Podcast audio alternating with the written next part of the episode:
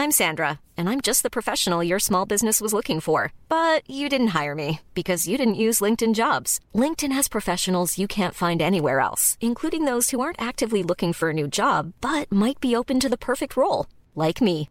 In a given month, over 70% of LinkedIn users don't visit other leading job sites. So if you're not looking on LinkedIn, you'll miss out on great candidates like Sandra. Start hiring professionals like a professional. Post your free job on linkedin.com slash spoken today. Now's the time to save 30% on wedding jewelry, only on BlueNile.com. Make sure your wedding ring is the one with your pick of diamond and lab-grown diamond bands, all hand-finished and graded for excellence. Or surprise her with something blue she'll love for life, like a stunning pair of sapphire earrings. Blue Nile's jewelry experts are available 24-7 to help, from fit questions to style advice. Right now, get up to 30% off at BlueNile.com. BlueNile.com.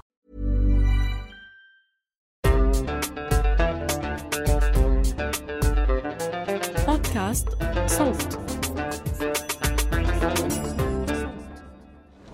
إذا قلت لكم كلمة قرصان شو أول شي بيخطر ببالكم؟ شعار العظمتين وجمجمة جاك سبارو قراصنة الكاريبي جزيرة الكنز زي لحفلة تنكرية بالأفلام الأجنبية بنشوف إنه في زي دائما لازم يكون موجود. بنطلون أسود فضفاض ومن تحت ضيق على الكاحل قميص بأكمام فضفاضة قبعة عرضية على الرأس وعصبة سوداء على العين. القرصان. هي الشخصية المحبوبة كتير عند الناس. جزيرة الكنز وأفلام كتير وشخصيات كتير. كلنا بنحب القرصان اللي في حواليه أساطير كتير وبنحسه ذلك البطل المتمرد اللي ما لقى غير البحر ولف يشكيله حاله. ورايح على ظهر سفينته السوداء يلي حاملة العلم الأسود وعليه عظمتين وجمجمة يدوروا على كنز بجزيرة مجهولة فيها صناديق ذهب بس مين هن القراصنة؟ وهل هن حقيقيين ولا أساطير؟ وشو أثرهم على التاريخ؟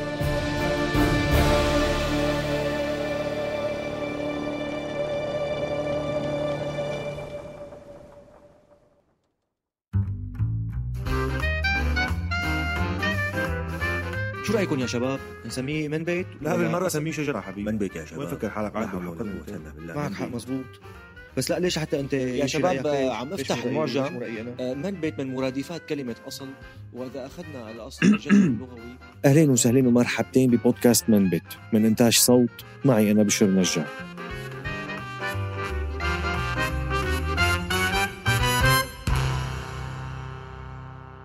إذا بنرجع بالتاريخ بنلاقي إنه القرصنة بديت من زمان من أيام الفينيقيين وبعدهم الإغريق والرومانيين. يعني من وقت ما صار في سفن بالبحر محملة ببضايع في حدا مأذي قال لحاله ليش لحتى ما أطلع بسفينة أنا وكم شب ونروح ورا كم سفينة تانية من هدول نهجم عليهم ونسرقهم دول وهيك بديت عمليات القرصنة من هديك الأيام وتطورت وكبرت مع الوقت. وفي شعوب بديت نشاطها تاريخيا كقراصنة مثل الفايكنج. يعني سكان اسكندنافيا السويد والنرويج ودنمارك حاليا. كانوا يهجموا على البلاد المجاورة ويسرقوا ويقتلوا حتى أنهم هاجموا الأندلس ووصلوا لإشبيليا أيام الأمير عبد الرحمن الأوسط. وما كان في سفينة تسلم من شرهم بس ايمتى بلشت تصير القرصنة معروفة عالميا ويصير القرصان شخصية معروفة وفي عليها أساطير وقصص؟ لما تطورت حركة الملاحة البحرية وصارت الدول تعتمد كتير على النقل البحري. وخصوصا بعد اكتشاف الأمريكيتين بنهاية القرن الخامس عشر وبداية السادس عشر.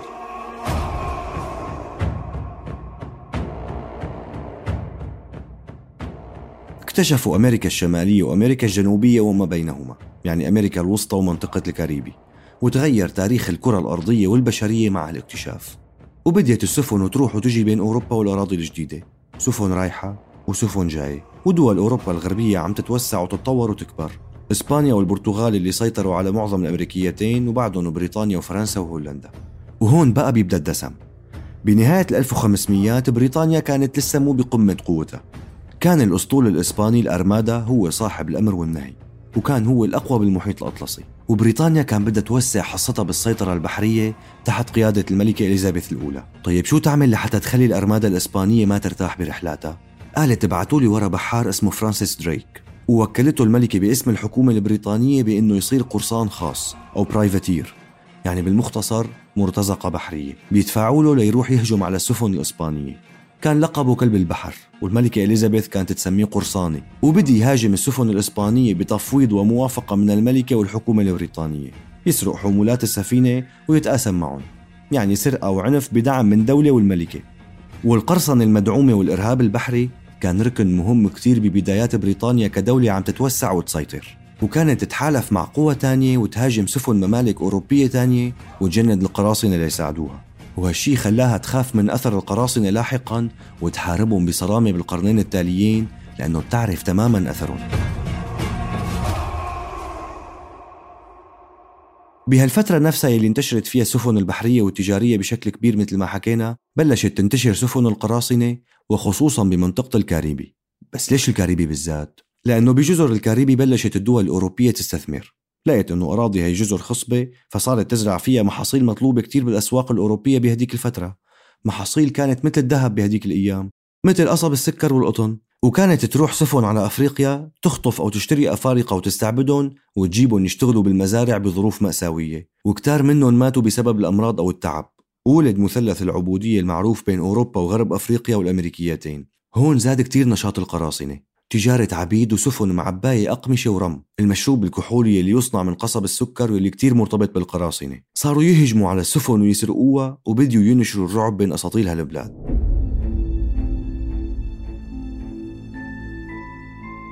قراصنة إنجليز وفرنسيات ومن جنسيات تانية انتشروا بالبحار والمحيطات طولا وعرضا. شي مجند من الدول مثل ما قلنا؟ وشي لحسابه الخاص. ودخلنا فيما يسمى بالعصر الذهبي للقراصنة بمنتصف القرن السابع عشر يعني بال 1650 واستمر هالعصر لل 1730 والباحثين بيقسموا هالعصر الذهبي لثلاث أقسام. في عندك الفترة الأولى وبيسموها حقبة قراصنة الكاريبي بين 1650 وال 1680 وكانت العلامة المميزة لهي الفترة هي القراصنة المرتزقة الفرنسيين والإنجليز اللي كانوا عايشين بجامايكا وجزر تانية ويتم تكليفهم بالهجوم على السفن الإسبانية. بعدين اختلف الوضع لما بديت حرب الوراثة الإسبانية ببداية 1700 لما مات ملك إسبانيا كارلوس الثاني وما ترك وراه وريث يحكم بعده. بفترة حكمه كانت إسبانيا بدت تضعف كقوة أوروبية بس مع ذلك بنهاية حكمه ظلت مسيطرة على مساحات شاسعة بالعالم. عم نحكي عن إسبانيا وهولندا وبلجيكا وأراضي من إيطاليا والفلبين ومعظم الأمريكيتين. يعني إمبراطورية إسبانيا كانت مترامية الأطراف. ووقت مات وما كان في له وريث استغلت القوى الأوروبية المعادية هالشي وصارت حرب أوروبية كبيرة بينها على عدة جبهات. ومنها جبهة الكاريبي البحرية يلي حكينا عنها عن طريق القراصنة.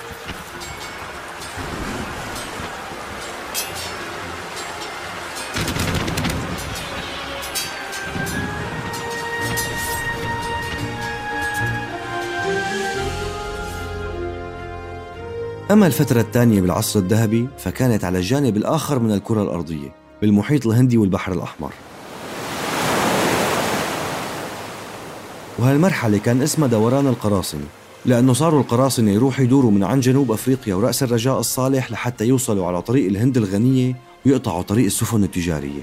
وبوقتها كانت بريطانيا بلشت تنشط كتير تجاريا واستعماريا مع الهند.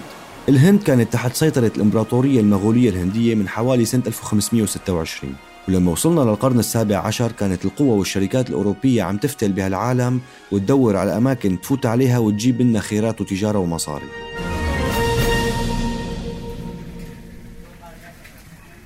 ومن هالمناطق اللي فاتت عليها هي جنوب وجنوب شرق آسيا. والهند كانت غنية كتير بالموارد. يعني كان ربع اقتصاد العالم كله بالهند. دولة كبيرة وفيها صناعات عريقة ومحاصيل غنية. معقول يتركوا هالثروات بحالها؟ صار عليها خناقة بين القوى الأوروبية انتهت بانتصار شركة الهند الشرقية التابعة لبريطانيا.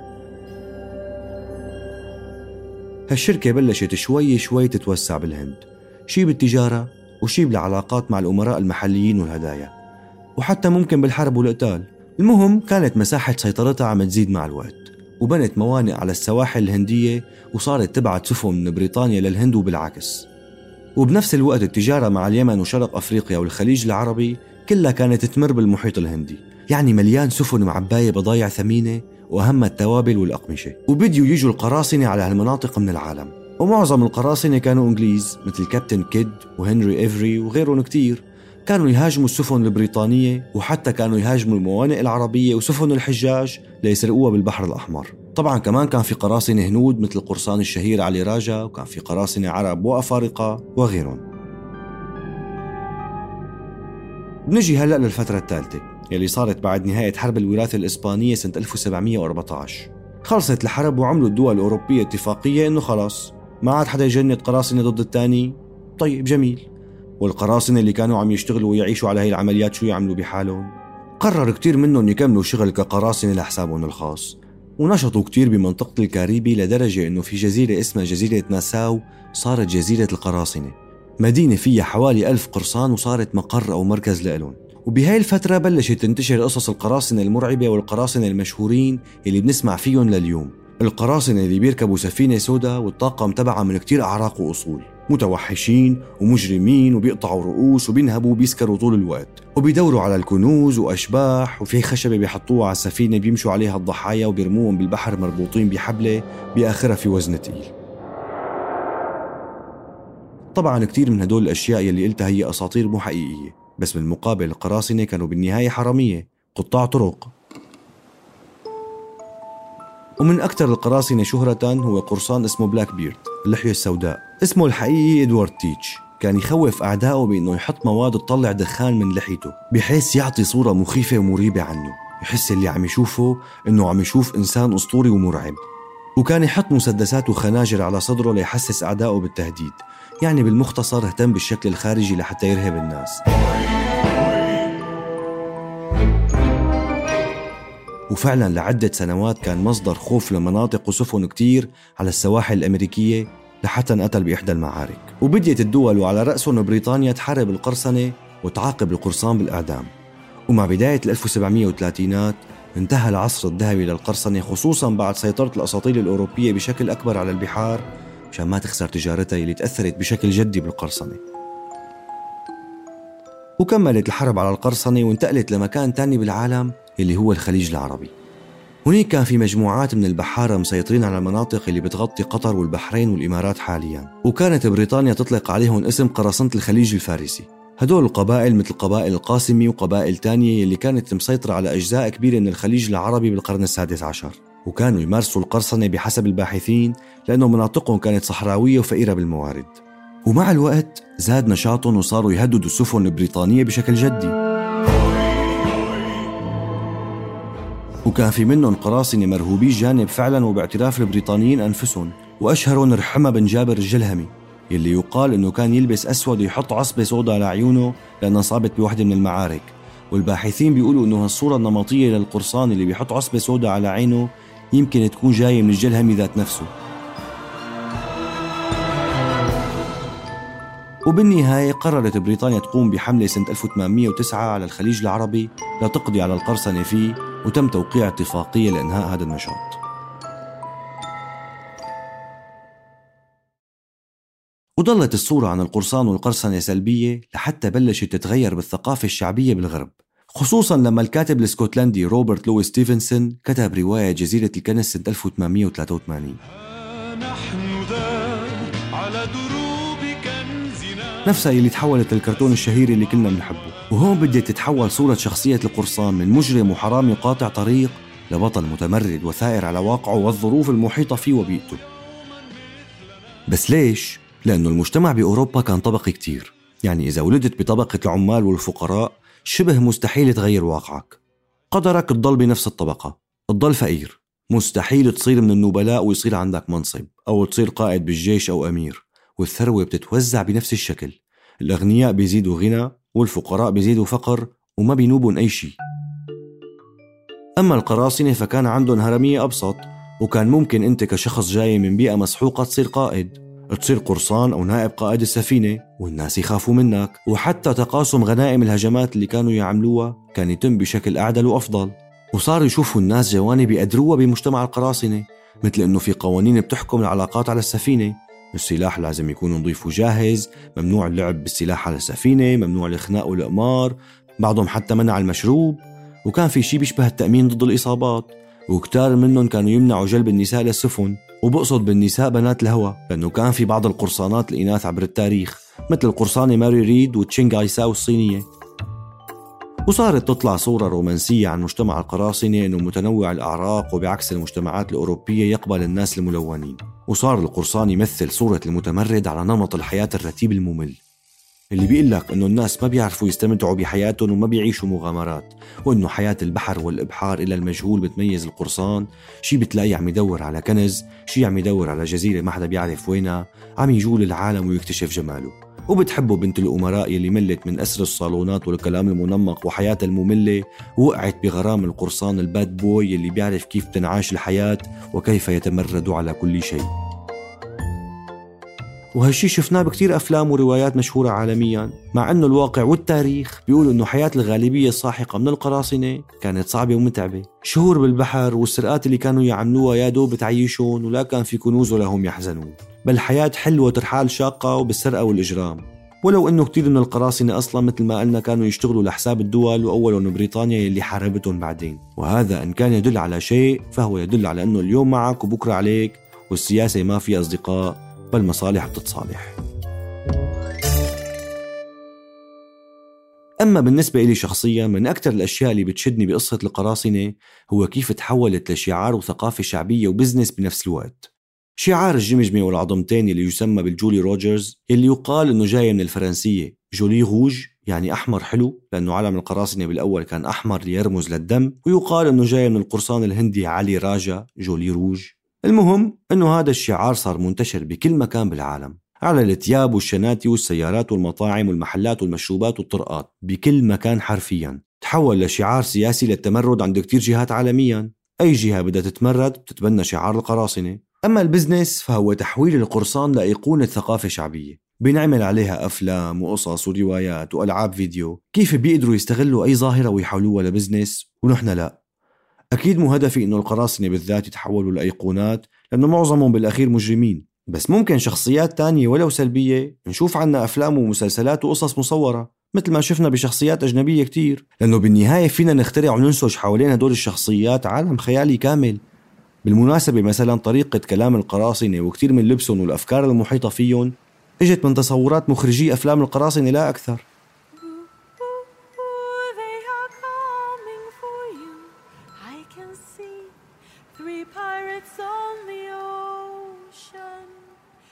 بالنهاية القرصنة لا تزال موجودة ليومنا هذا إن كان بسواحل الصومال بالمحيط الهندي بشرق آسيا أو حتى بأمريكا.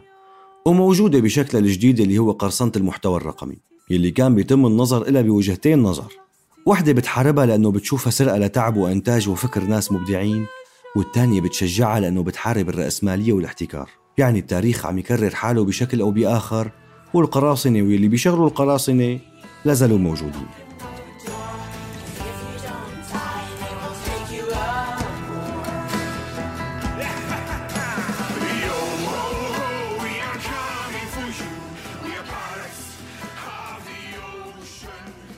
بتمنى تكون عجبتكم هاي الحلقة. كنت معكم من الإعداد والتقديم بشر نجار من التحرير جنى قزاز من التدقيق بيان العاروري والهندسة الصوتية لمحمود أبو ندى.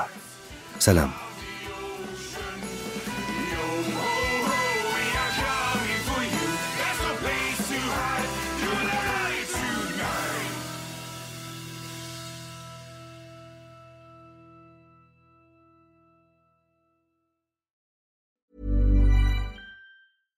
Hello, this is Danny Pellegrino, host of the Everything Iconic podcast, and I'm here to tell you all about Splash Refresher because hydration is mandatory, but boring is not. Now, I love my water, but if I don't spice it up, I'm not going to finish what I took out of the fridge. That's why I love my Splash Refresher, which is flavorful, delicious, bright, hydrating, and zero calories. The wild berry flavor is my fave.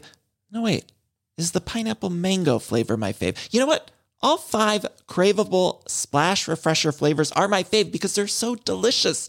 So get hydrated and enjoy it with Splash Refresher. ACAST powers the world's best podcasts. Here's a show that we recommend. The Real Housewives is a guilty pleasure for most, but if you're looking to not feel guilty about that pleasure, tune in to Everything Iconic with me, Danny Pellegrino, where I break down all the messy moments and behind the scenes antics of Bravo's popular franchise. And on Everything Iconic, I also interview celebrity guests like Kelly Ripa, Kiki Palmer, Drew Barrymore, Cameron Diaz, and more about their guilty pleasures, their past work, and so much more. So if you're pop culture obsessed and find yourself watching way too much reality TV like me, tune in to Everything Iconic with Danny Pellegrino wherever you listen to podcasts. ACAST helps creators launch, grow, and monetize their podcasts everywhere. ACAST.com.